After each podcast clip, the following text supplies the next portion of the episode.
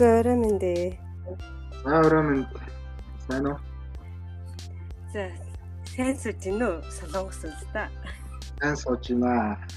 Аа, уухлаа сони юутай юм да. Аа, бороос хэлэхтэй л байна та. Аа, буцхолоогүй л байна уу? Мм, онгоцоо л байж энэ да. Хүлээж байгаа юм уу яг? Авчаад байгаа юм шүү. Солонгос хүмүүс хүлээж байгаа юм шиг нь. Удахгүй Монголоос подкаст бичнэ. За эхлэв шүү. За ингээд Өнөө подкастын маань шинэ дугаар эхлэхэд бэлэн боллоо. Ингээд Солонгос улсаас мөнх баяр эмчтэйгээ дараагийнхаа дугаарыг бэлтгэн өргөхөд бэлэн болоод байна. Тэгээ өнөөдөр хоёлаа нөгөө өмнөх дугаар дээр амлсан ясаараа өндгөвчний олон улсын хат хам шинжийн үеийн эмчилгээний тактик арга барилын тухай ярилцгаар сонсогчтой амлсан баа тий. За тий. За ингээд сонсогчтой энэ өдрийн мэндийг хүргэе. Тэ энэ өдөр мэндэ. За өмнөх дугаар дээр бит хоёр ал өндөрсний олон улаан хааж хам шинж гэж байдیں۔ А энэ хам шинжүүд ямар ямар шинж тэмдгүүд илэрдэг. За энэний одоо товч одоо сануу сануулаад гэхээр бол нөхөд яг товчхон дурдхад ер нь бол өндөрч олон улаан хааж хэмэггүй үед тий биений малдагдах за гиперандрогены шинж буюу энэ өсжилт, батаг, ус уналт болон бацин солилцооны мөнгүүд илрэх эхо шинжилгээгээр өндгөвчөнд бол олонлынхаа бол илрэх гэсэн мархлаг өөрчлөлтүүд бол гардаг тухай үүний шалтгааны тухай бол дурсан байгаа. Аа ер нь бол одоо хэлэхэд энэ дугаарыг сонсож байгаа хүмүүс бол эхний дугаарыг ямар ч гэсэн сонсож үзээд дараа нь сонсвол илүү үр дүнтэй байх гэж бодож байна.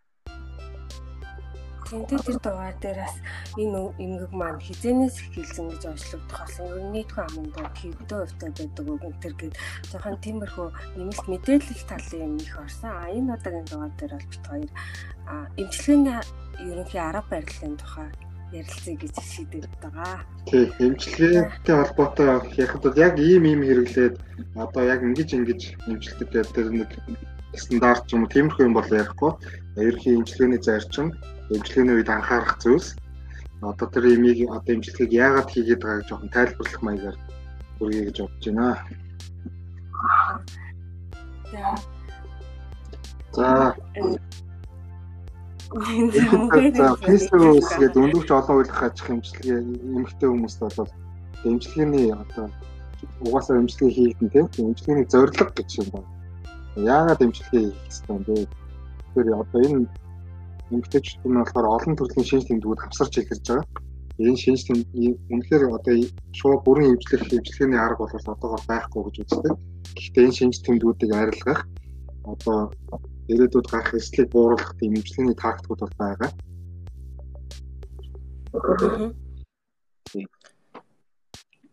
Тийм тэгээд яагаад Монгол бол эмчилгээ хийх шаардлагатай гэхээр бас нэг ингээд мдээгүй явснаас болоод ч юм уу те удаан хугацаагаар биений юм ирэхгүй явснаас болоод бас цаашид хавдрын урдэл хавдар болохоос эрсдэлт авалдаг юм байгаа. Тийм учраас бол эмчлэх хэрвээ таны биений малдагцыг бол ер нь нэг одоо эмчтэйчүүд эмчтэр хүрээд ирээрээ гэдэг уриалгыг хэлээд байгаа. Тэрнээс цааш бодол үүсэх урхагаас бол барьсан сэргийлэх боломжтой. Тэгээ энэ урхаг дотор нь юу ордог гэхээр хавдрын эрсдэл болдог. А мөн нөгөө шин залуу гэр бүлүүд эсвэл дахиад нэг хүүхэд төрүүлэе гэж бодож байгаа тиймэрхүү эмэгтэйчүүдэд маань удаан хугацаанд үргэлжлэх юм бол өргөдлийн бас шалтгаан болдог учраас энэс бид нэр бас үргэлжлэн сэргийлэх, эмчлэх, эрт арга хэмжээ авах боломжтой.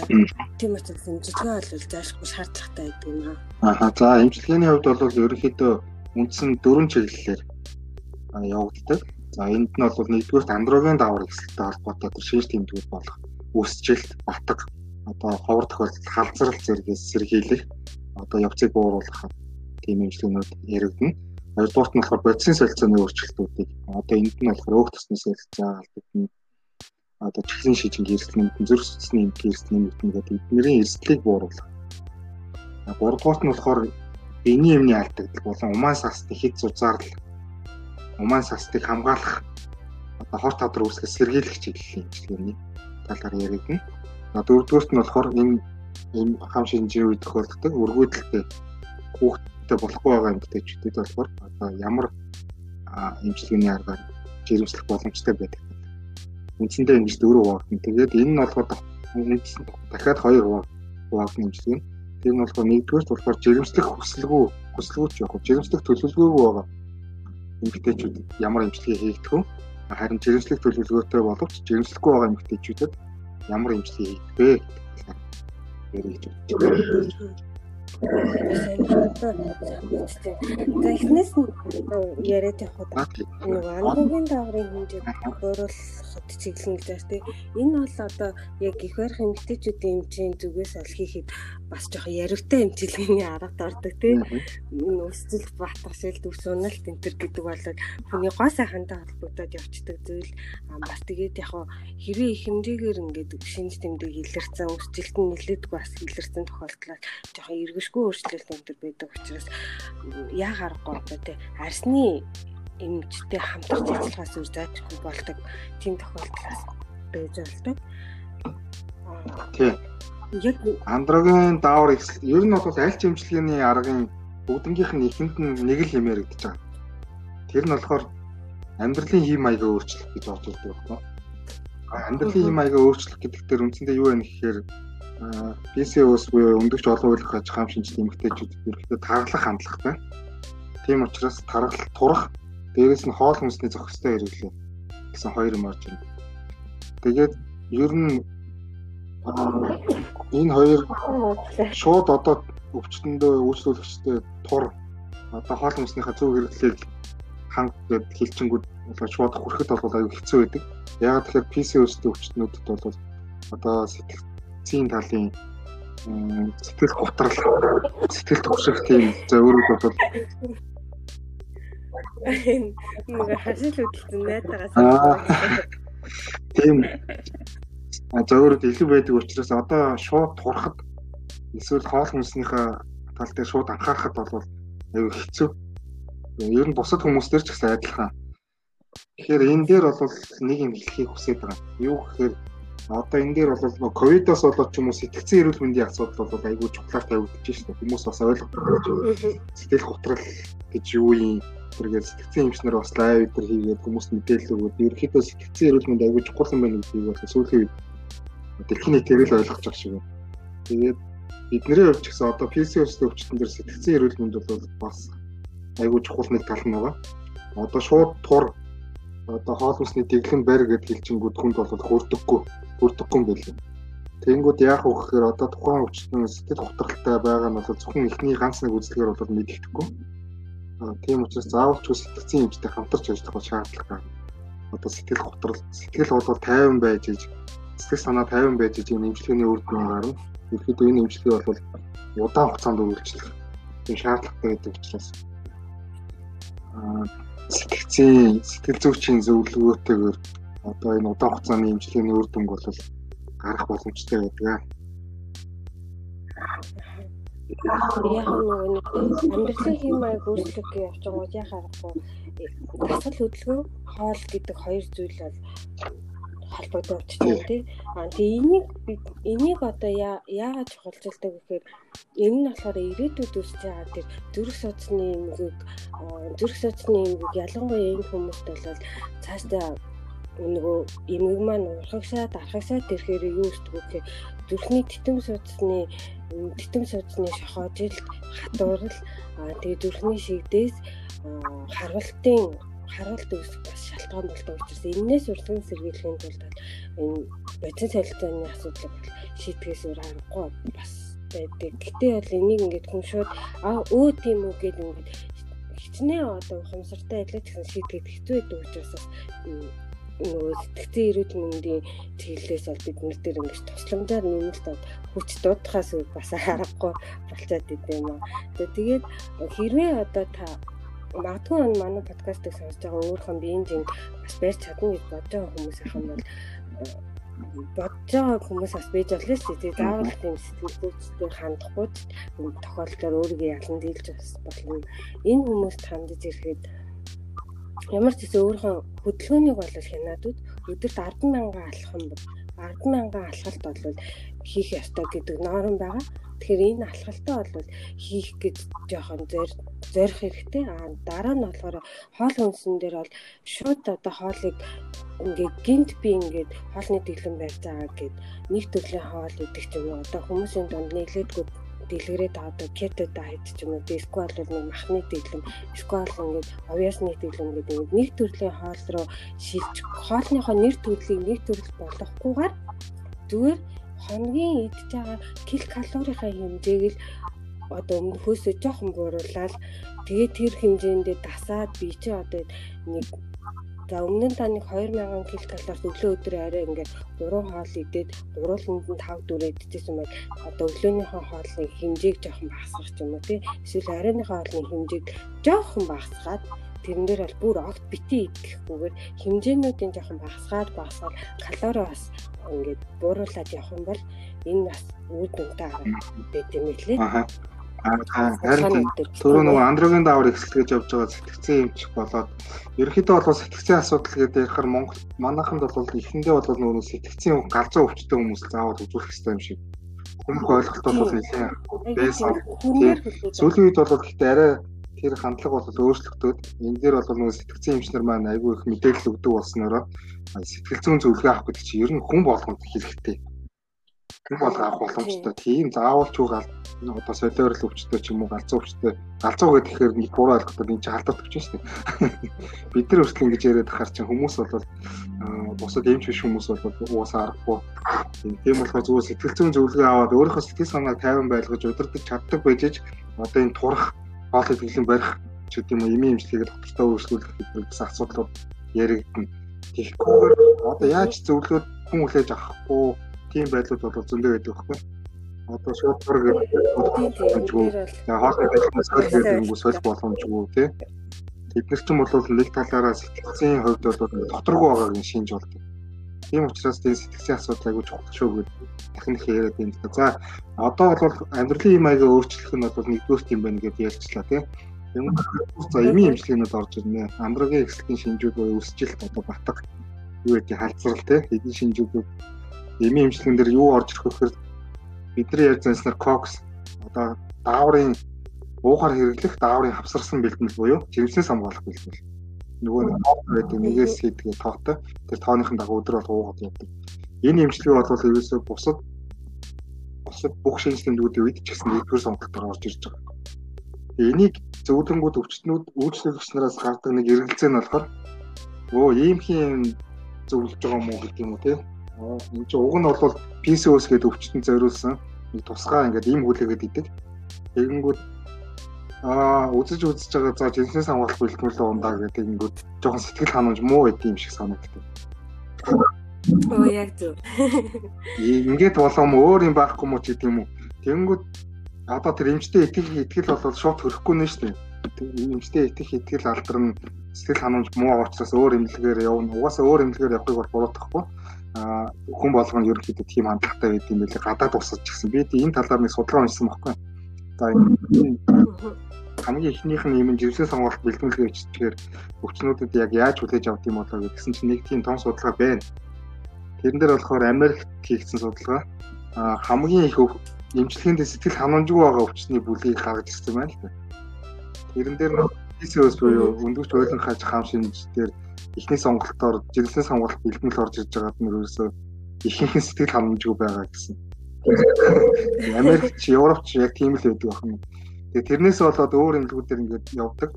Дээрээс нь одоо Монголд бол ингээд гадагшаа явж хэмжүүлэх талаар айгүй их яригддаг. Тэгэнгүүт э, энэ эмчилгээний сонголт, жирэмсэн сонголт, бэлтгэлийн сонголт бол аль ч нэр хүндтэй одоо холбоо нийгэмлэг гэдэг юм их барихын эмгтээчүүдийн нийгэмлэг эсвэл таташ хөрлөгийн нийгэмлэгч гэдэг юм уу аль ч хөгжилтэй болсон байсан гэсэн бүгд өдөртөмж стандартн дээр ингээд бүгдээр нэг нэгэн дуугаар нэгдүгээр сонголтоор оруулдаг тийм имжлэг юм.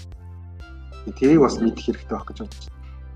Тэгээ энэ бас нэмээ хэлэхэд их барих эмгтээчүүдийн эмчнэрийн бол ерөөсөө гол бамбаа бол энэ юм байдаг шүү.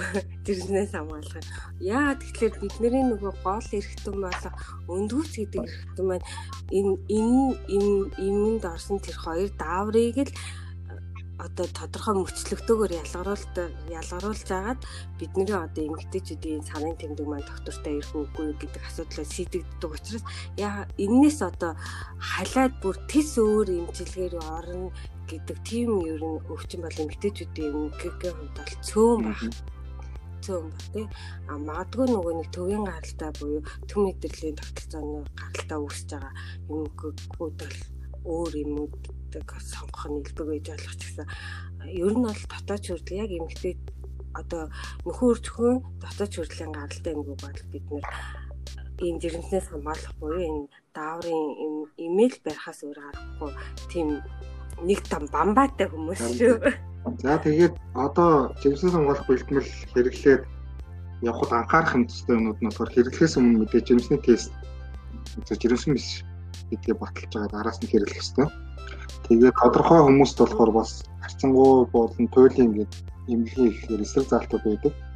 Энэ болохоор тухайн өвчтнөөс хамаарат эмч үзэж байгаа мэдээлэл цуглуулж байгаа танд хэрэглэж болно болох уу гэдэг хөнгөлтийг гаргадаг. Энд нь юу орох вэ гэхээр за 35-аас дээш эсвэл 40-оос дээш настай эсвэл хэд их таргалтай тий бенжингийн индекс их за тамхи татдаг.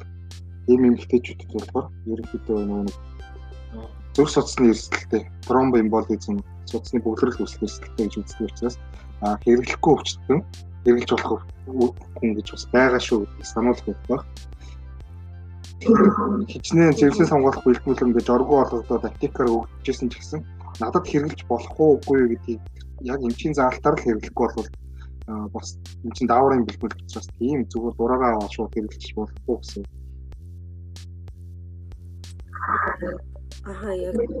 Энэ дээр нэмээд хэлээд энэ нөгөө нэг дааврын бэлтгэл маань зүгээр одоо залтай мэгтэйчүүд маань тэгсэн хэрэгжилж авах үед те өөрөө өөрөө болол нөгөө нэг эрсдэл үүсгдэг зүйл нь юу вэ гэхээр нөгөө тромбемболи буюу бүлэн бүлэгнэлт үүсгэх бүлэгнэлт үүсгэх тийм эрсдэлтэй тийм учраас одоо энгийн зүгээр жирэмснээс хамгаалах зориултаар хэрэгжилж байгаа эмэгтэйчүүд байсан ч гэсэн бусад яг эмэггийн шалтгаанаар эмчилгээний журмаар ууж байгаа эмэгтэйчүүд маань ч гэсэн яг тодорхой бас нөхцөлийн хүрээнд бол уух шаардлагатай шүү. Тэгэхгүй ингээл аптект бол ороод янз бүрийн хэлбэрээрээ байгаа. Тэгээд үргэлжлүүлээд уугаад уугаад гэж явж байгаа гэсэн эмчийн хяналт бол яг заавал юм шаардлагатай байдаг шүү. Одоо бол сайн мэдээ нь бол сүүлийн анх юм гарахтаа бол жоох өндөр тунтаа гарч ирсэн нийлүүлэхийн өмнө тэгэнгүүт энэ чинь нөгөө өндөр тунтай байх тусмаа эрсдэл ихтэй гэж үздэг байхгүй. Тийм болохоор айгүй их эрсдэлтэй байна гэдэг айгүй их хасах шалгуурууд тавиад за чи эргэлж болохгүй чи эргэлж болохгүй гэдэг нэлээд олон хүнийг хасдаг байсан бол сүүлийн үед хамгийн бага тунгаар өөр нөлөө үзүүлж болох тунг гаргаад тий Тэнгүүд за энэ хамгийн бага тунгаараа хэрэгжилж байхад ерөөхдөө эрсдэлтэй бүлгийн хүмүүс төр ч гэсэн тэр эрсдэл хүндрэл үүсгэх нь ерөнхийдөө байгун байна гэж үзээд шууд хэрэгжилж болохгүй гэж заахгүйгээр тухайн хүндээ тохироод тохируулсан тунгаар хэрэгжилж үзээд эрсдлийг нь тооцоолоод хэрэгжилж болно гэсэн юмуд бас яригдчихэж байгаа. Тэгэхээр энэ дээр бол тунгийн хувьд бол нэлээд сүүлийн үед баг тунтай бэлтгэлүүд гарч ирсэн давуу тал бас байгаа. Тэгээд зүгээр нэг жимстэй самбал бэлтгэлэнгүүд ерөнхийдөө найрлаганд нь хоёр даавар оролцоод байгаа. Эстроген, прогестерон тийм. Тэнгүүд энэ хоёрыг чинь эстроген дааврын тун нь бол зөв судасны эрсдэл үүсэх хэдрэх хамааралтай учраас тун баг их чиглэлээ зарим эмэгтэйчүүд тунгийн нэмэгдүүлсэн тунгаар эсвэл жоох өндөр тунтай хэрэглэх шаардлага гарч байна. Тэр бол хүнээсээ хамаарна. Дөнгөд нөгөө нэг даавар бол прогестерон нь болохоор ямар үйлдэлтэй вэ гэдэг нь бас дотор ялгаатай. А PCOS-тэй өвчнүүдээр болохоор одоо андрогены эсрэг үйлдэлтэй илүү үйлдэлтэй тийм гаргаж авсан прогестерон агуулсан жирэмсэн самгаалах бэлтгэлүүдийг бас тусдаа бий яагаад байгаа. Тэгэхээр тэднийг бас сонгох нь бол эмчээс шалтгаална гэсэн. Тэгэхээр ерөөсөө жимсээс хамгаалах бэлтгэл чинь нэг юм байна. Би чинь PCOS-ийн чинь зүгээр жимсээс хамгаалах бэлтгэл уучигээд аптекаас сонгох юм бол бас буруу сонголт хийх боломжтой болж Тийм тийм энэ дээр бас ер нь бол одоо бол харцангуй эмийн сонголт эмийн компаниуд эмийн компаниуд өөрөсөө дэмийн сонголт маань олон болоод ер нь харахад нэлээд олон хөлбөрүүд бол гараад ирсэн байх шиг байгаа. Аа тэгээд заавал одоо энийг амаар удаг хөлбөр байх уу гэвэл бас үгүй энэ арсны бас нөгөө наалт наалттай хөлбөр байдаг өтрээний өтрээний одоо цаграг даавар агуулсан цаграг байна мэрена гэдэг нөгөө одоо бидний хэлсэн спираль байгаа тий даавартай спираль гэх юм. Тиймэрхүү хөлбөр гэдэг. Гэхдээ эднэр дотроо дахиад нөгөө дааврын асуудлууд маань бас яригдчихдэг тий. Мэрена чинь нэг л төрлийн даавар аа. Жишээлбэл мэрена хэрэглэлээ гэхэд одоо тухайн өвчтний батгах ч гэдэг үсжилт гэдэг тэр шинж тэмдгүүдэд бол нөлөөлөхгүй. Умаас алстыг хамгаална, биений имийг доторжуулах бол үүдэлхэн байгаа. Тэгээд тэр тухайн өвчтөн маань ямар зөвөртэй байна, ямар одоо эмчилгээ шаардлагатай байна гэдэг нь болохоор ерөөсөө хүн болгоно өөр PCOS өвчтний бол онцлог нь тэр. Зарим өвчний хувьд бол ингээд ихэнх эмчилгээ нь бол хооронд ижилхэн байдаг шүү дээ. Тэгмүүд энэ хам шинжийн үед болохоор ерөөхдөө хүн болгон тохирсон эмчилгээний тийм арга барил хугацаа тун шаарддаг. Тэгэхээр нэг нэг нэг ерөөсөө дөөрэж болохгүй гэсэн үг. Сошиалос эдгээр хэдийн ингээд одоо сошиал дээр ингээд подкаст хийгээд юм ярьж байгаа ч гэсэн эзээч сошиалор зөвлөгөө аваад эмчилгээг хийгээрэй гэдэг юм уу бол ярихгүй. Өөрсдөн зөвлөсөн. Энэ бол яг эмч үзэж харж ээж те шинжилгээ хийж хийж тэгжээж дотоодог байгаа шүү. За мэдээ дааврын маань бидний нэг анх ярьсан дөрвөн дөрвөн одоо чиглэлээр эмчилгээ хийх ёстой гэвэл ингээ явсаар биний өмнө мөчлөхийг маань бас давхар зохицуулчихсан тийм. Тэгвэл өргөдөлтэй эмэгтэйчүүдийн хувьд энэ асуудал нааштай эргэх боломж байна. За ер нь бол PCOS-тэй өвчнүүд дээр эмчилгээ хийхдээ анханасаа асуух ганцхан л асуулт нь. За одоо хүүхдтэй болохоор төлөвлөж юм уу тийм. Тийм. Тэгээд хэрвээ төлөвлөж байгаа бол нэг өөр төлөвлөгөө бол өөр эмчилгээ хийх гэсэн. Тий энэ дээр бол даврын сонголт бол өөрчлөлттэй болчихдог тий. Одоо жирэмслэгч байгаа бол өндөвч сэдэх гэдэг тусдаа юмнууд орж ирнэ. Юус эмчилгээ нь тэр чигээр өөр гэсэн. Зүгээр жирэмслүүлэх одоо хүүхдтэй болох жирэмслэх тийм төрлийн эмчилгээнүүд л хийх гэсэн. Тэрнээс бус үед нь бол жирэмслэх хийх хүсэхгүй байгаа, зориог байгаа хүмүүс төр хийх эмчилгээний зарчмууд нь бол ижлэхний юм.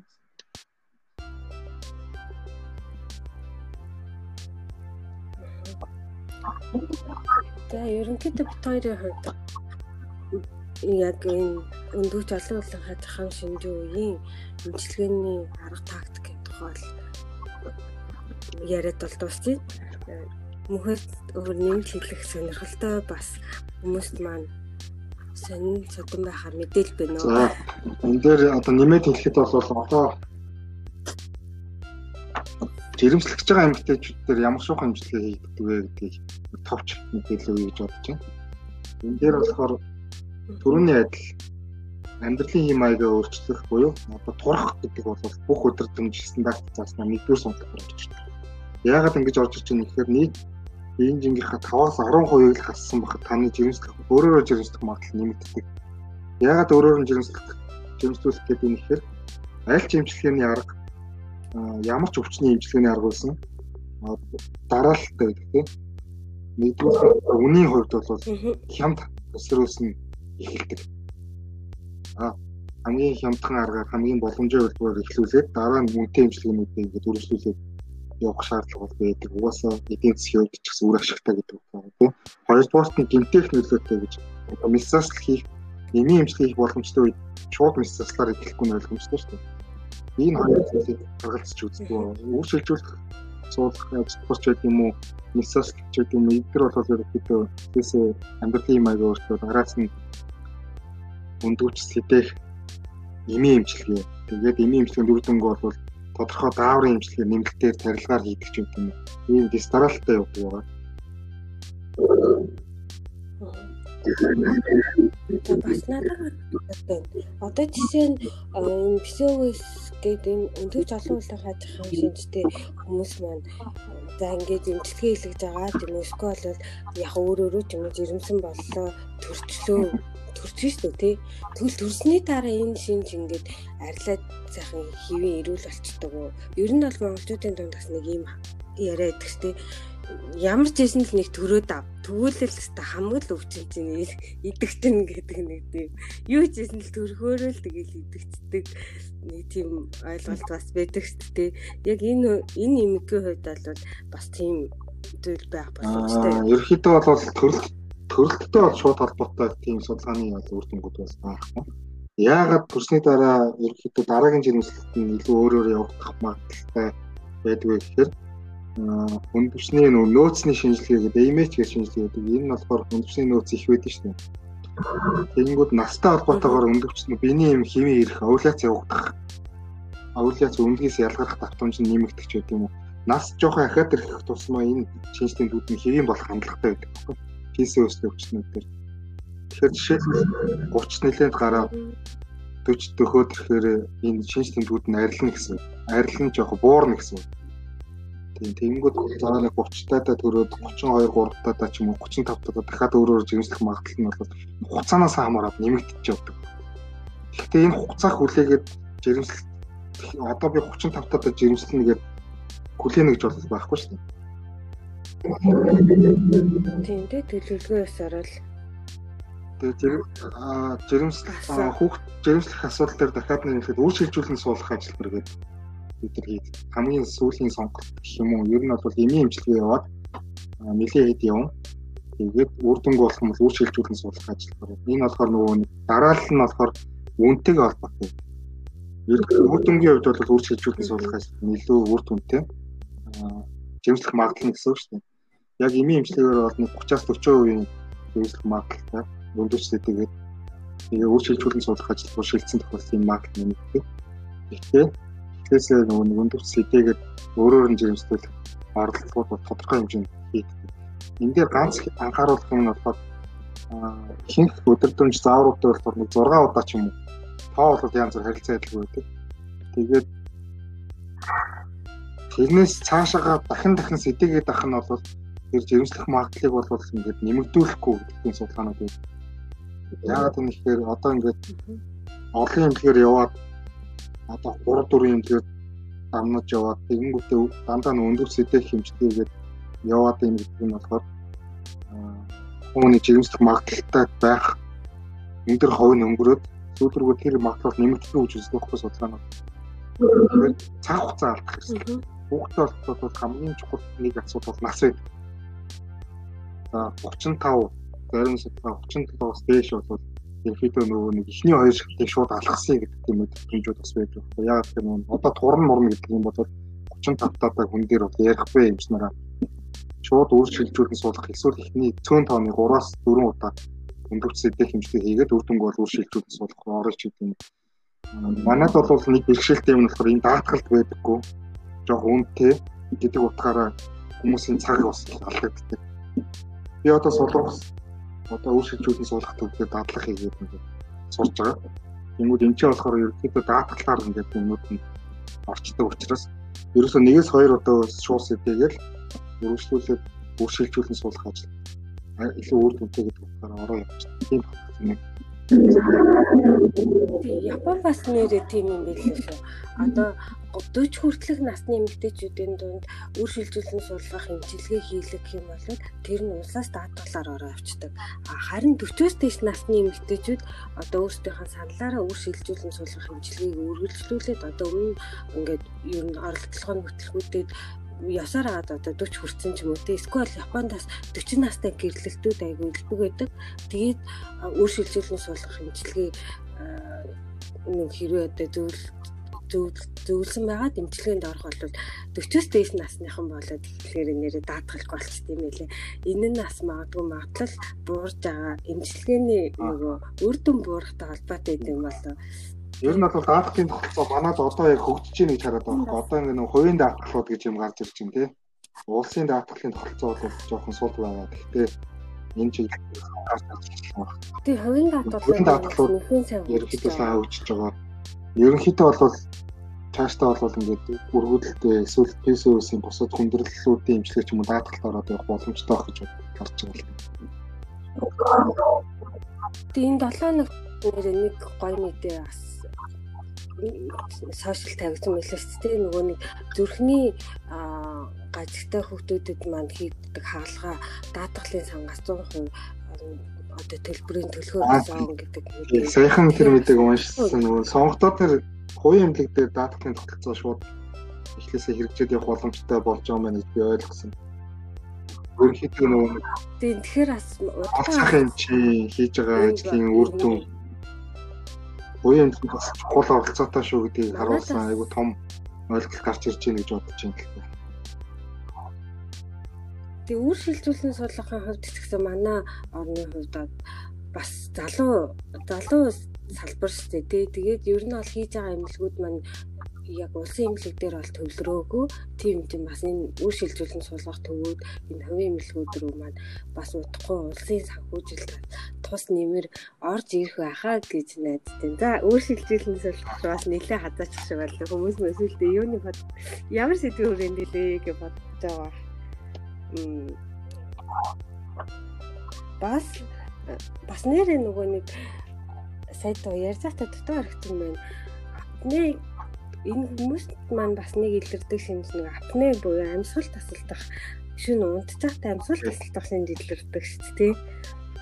Тэрийгээ бол ер нь бол ингээд зөвлөгөөнүүд дээр бол байхад ингэсэн мэт юм лээ өөрөө видео рекорд хийгээд ч юм уу те бас үлүүд нөгөө нэг смартфонууд зэн смарт watchтай болсон юм чи. Тэрнгээр бас өөрийнхөө нөгөө нойрны хэмнэлээ хянаад хийж болно. А бүр тэгэх боломжгүй эсвэл энийг шалгаж чадахгүй яг өөрийгөө ийм апнаа байна уугүй гэдгийг шалгамаар байгаа бол хийлэгдэг одоо тэр нөгөө нойрны эмгэгийг илрүүлдэг судалгааны тест нь болохоор полисомнографи гэж байт юм лээ. Тэгээ энийг бас хийгээд яг нөгөө унтчих үеийнхэн тархины бичлэгээ тархинаас үүсч одоо илгэн хүчил төрөгчээ хүчил төрөгчийн хэмжээ зүрхний одоо зүрхний цохилт амьсгал нүд хөлний хөдөлгөөн зэрэг бол бас хэмжих боломжтой хэмжүүлээд авах бас боломжтой тийм бас арга тест бол байдаг шүү. Энэ дээр бас нэг сонирхолтой амьсгалгүй төлгээд манай нөгөө нэг өвчний олон улсын төлөө дэж нэртэй байл sleep apnea гэдэг дэмжнэр бол яриад сурцсан. Энийний шалтгааны нь болохоор бас аюул олон янзаар судлаад ерөөхдөө андрогийн даавар ихсэлтэй л холбоотой гэж үзээд байна шүү. Тэгээд андрогийн даавар ихсэлт нь өөрөө нөгөө нойрны нойрны төв дээр ихэд хэмжээгээр байх нойрны төв дээр ингэж очрох нөлөө үзүүлснээс болоод алдагдал үйл ажиллагааны алдагдал гэдэг юм. Тэгээд эмчилгээнийх нь үндэс нь гэх юм бол бас л нөгөө нэг жирэмсэн сонгох бэлтгэлээс л эхэлнэ гэсэн. Энд дээр түрүү хэлж байгаа нэг юм марцсан. Одоо жирэмсэн сонгох бэлтгэл хэрэглээд хэрвээ үр дүнгүй байгаадах юм бол дараагийн шатны юмнууд ч бас байгаа. Ерөнхийдөө хамгийн богино хугацаанд 6 сар бол жирэмсэн сонгох бэлтгэл хэрэглээд а тухайн эмийн үр нөлөө багтай байна гэж үзэх юм бол андрогийн дааврыг бууруулах тийм тусгай бүлгийн юмнууд. Хэдийгээр цөөн тоотой. Ерөнхийдөө хэдхэн юм л байдгийг тэгээ нэрийг нэлээд яг тэр юмнуудыг бол хэрэглээд шинж тэмдгийг нэмэгдүүлэхгүй илүү үр дүнтэй эмчилгээнүүд хийх боломжтой байдаг. Яг мэрэгжлийн эмчийн зөвлөгөө авч байгаа тийм гэсэн. Тэгээ энэ юмнууд нь болохоор юм урагт гаш нөлөө үзүүлдэг учраас одоо тухайн эмийг хэрэглэж явах үедээ жирэмсэн биш гэдгээ жирэмсээс хамгаалах аргуудыг бас давхар хэрэглэх хэрэгтэй байдаг.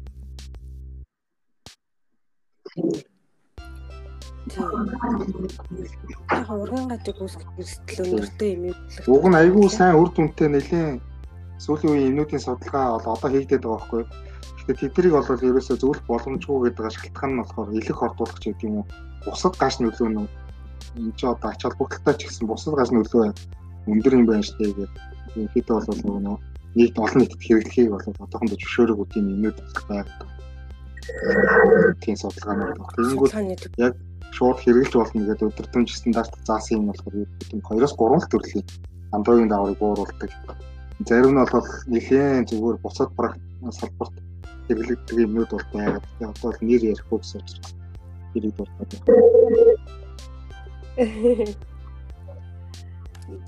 Төрөний нөгөө нэг юу шиний нөгөө унтах юуг өөртөө хэмжихтэр нэрээ сонирхолтой өнгөлөд би нөгөө сая сүүлийн үед өөрийнхөө унталтаа хэмжиж үзээд тэгсэн чинь өглөөс ирэхэд миний ингээд тухайн өдрийн алхалт шүү дээ 100 алхалт энэ алхсан сэрдэг байхгүй. Тэгэхээр шинэ орон нутгийн их л хөдөлгөөнтэй ондтой юм шиг хэлээ. Би бас та нар сонирхолтой санагдчих бас өөрсдийнхөө тэр смарт за хямдхан смарт watch аваад тэ өөрсдөө унтах хэмнэлээ хэмжээд deep sleep, light sleep ер нь бол аль үедээ илүү байна, аль үед сэргийг байна гэдгийг бас мэдээд аваад бас зүгээр юм хэлээ шүү. 100 метр алхацсан гэхээр чинь ер нь жоохон босоод явцсан байх магадлал бас байгаа юм шүү дээ. Харин Тамаа Японд ч муу био гэдэг юм байна. Шүн зүудэндээ ингэ явдаг хүмүүс аягүй ихтэй Японд тэгж сонсоод үзсэн. Яа сайн гайхаад байгаа. Өглөөс иргээл 100 алхам явчихад байгаа байхгүй юу? За за шөнө явдсан юм байна явчихсан. За нэг тийм бас сонирхолтой өөр дөм өөр дээр хийсэн судалгаа гарч байгаа.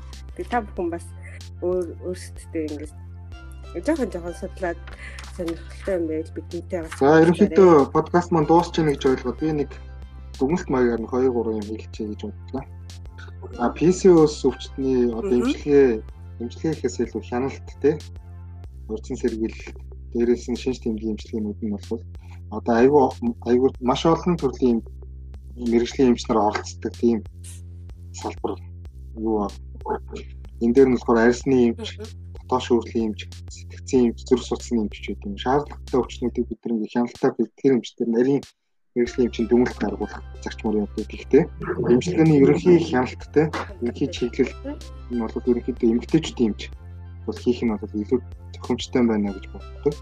Яагаад тэгэхээр илэрж байгаа шинж тэмдэг эмчилгээнд хэрэгжилж байгаа эхний болон хоёр дахь сонголтын эмчүүд юм. Эмчилгээний аргууд нь ерөнхийдөө эмгтээчдийн практикийн асуудлууд байдаг учраас эмч ерөнхийдөө кино чиглүүлээд явах хэрэгтэй Тэгээд дээрээс нь эмчилгээний арга барил, эмчилгээний тун ийм зэрэг нь болохоор хүн бүрийн хэрэгцээ шаардлага шинж тэмдэг. Тэрнээс хамаарат өөр өөр байдаг. Тийм болохоор одоо нэгнийхээ таньдаг хүнийхээ ч гэдэг юм уу нэг нэг найз нөхдийнхөө эмчилгээг бол бараад өөр яахгүй. Одоо чамд яагаад ийм эмчилгээ хийдэг надад байхгүй ч гэдэг юм. Эсвэл сошиал медианд шууд хөтлөгдөж эмчилгээг бол өөрөө дур мэдчих хийхгүй байна. Тийм бол зөвлөмж өгөх хүсэлтгүй. Зөвлөмж өгөх хүсэж байна. За тэгээд жирэмслэх гэдэг асуудалтай болохоор нас айгүй чухал учраас одоо энэ PCOS-ийн нэг өндөр юу шинжилгээ бол өргөдлөө байгаа. Тийм учраас эрт үзүүлгээд цаашд ер нь бол жимсгэд анхаарах юм эртхэн мэдчих тусмаа нэмжлэгийн үр дүн бол сайн болох боломжтой. Тийм учраас PCOS гэж онцлог тавьсан бол дараа нь жирэмслэхэд ямар асуудал гарах вэ? Тэр яаж даван тулах вэ гэдгийг эртхэн нэмжлэгээ зөвлөсөн нь бол зөв байдаг шүү л гэж байна. За маш мэдээллүүдийг бидэнтэй хуваалцсан мөн баяртай баярлалаа. Тэгээд дараа дараагийн дугаар за орж ирнэ юм уу хэрэг юм ч байна. Тэр ерөнхийдөө ингэж ээлжлээд ээлжтэй бэлдээд явах учраас дараагийн дугаар нь илүү сонирхолтой. За ингээд энэ дугаартаа энэ подкастт орж оролцуулсан Атом цэцэгтэй баярлалаа. Энэ подкастыг сонссон сонсогч нартай баярлалаа хичээлье. За баярлалаа. За баярлалаа. Дараагийн дугаараар уулзлаа. Түр баяртай сонсогч. За баяртай. Бүгээртэй баярлалаа. За баярлалаа.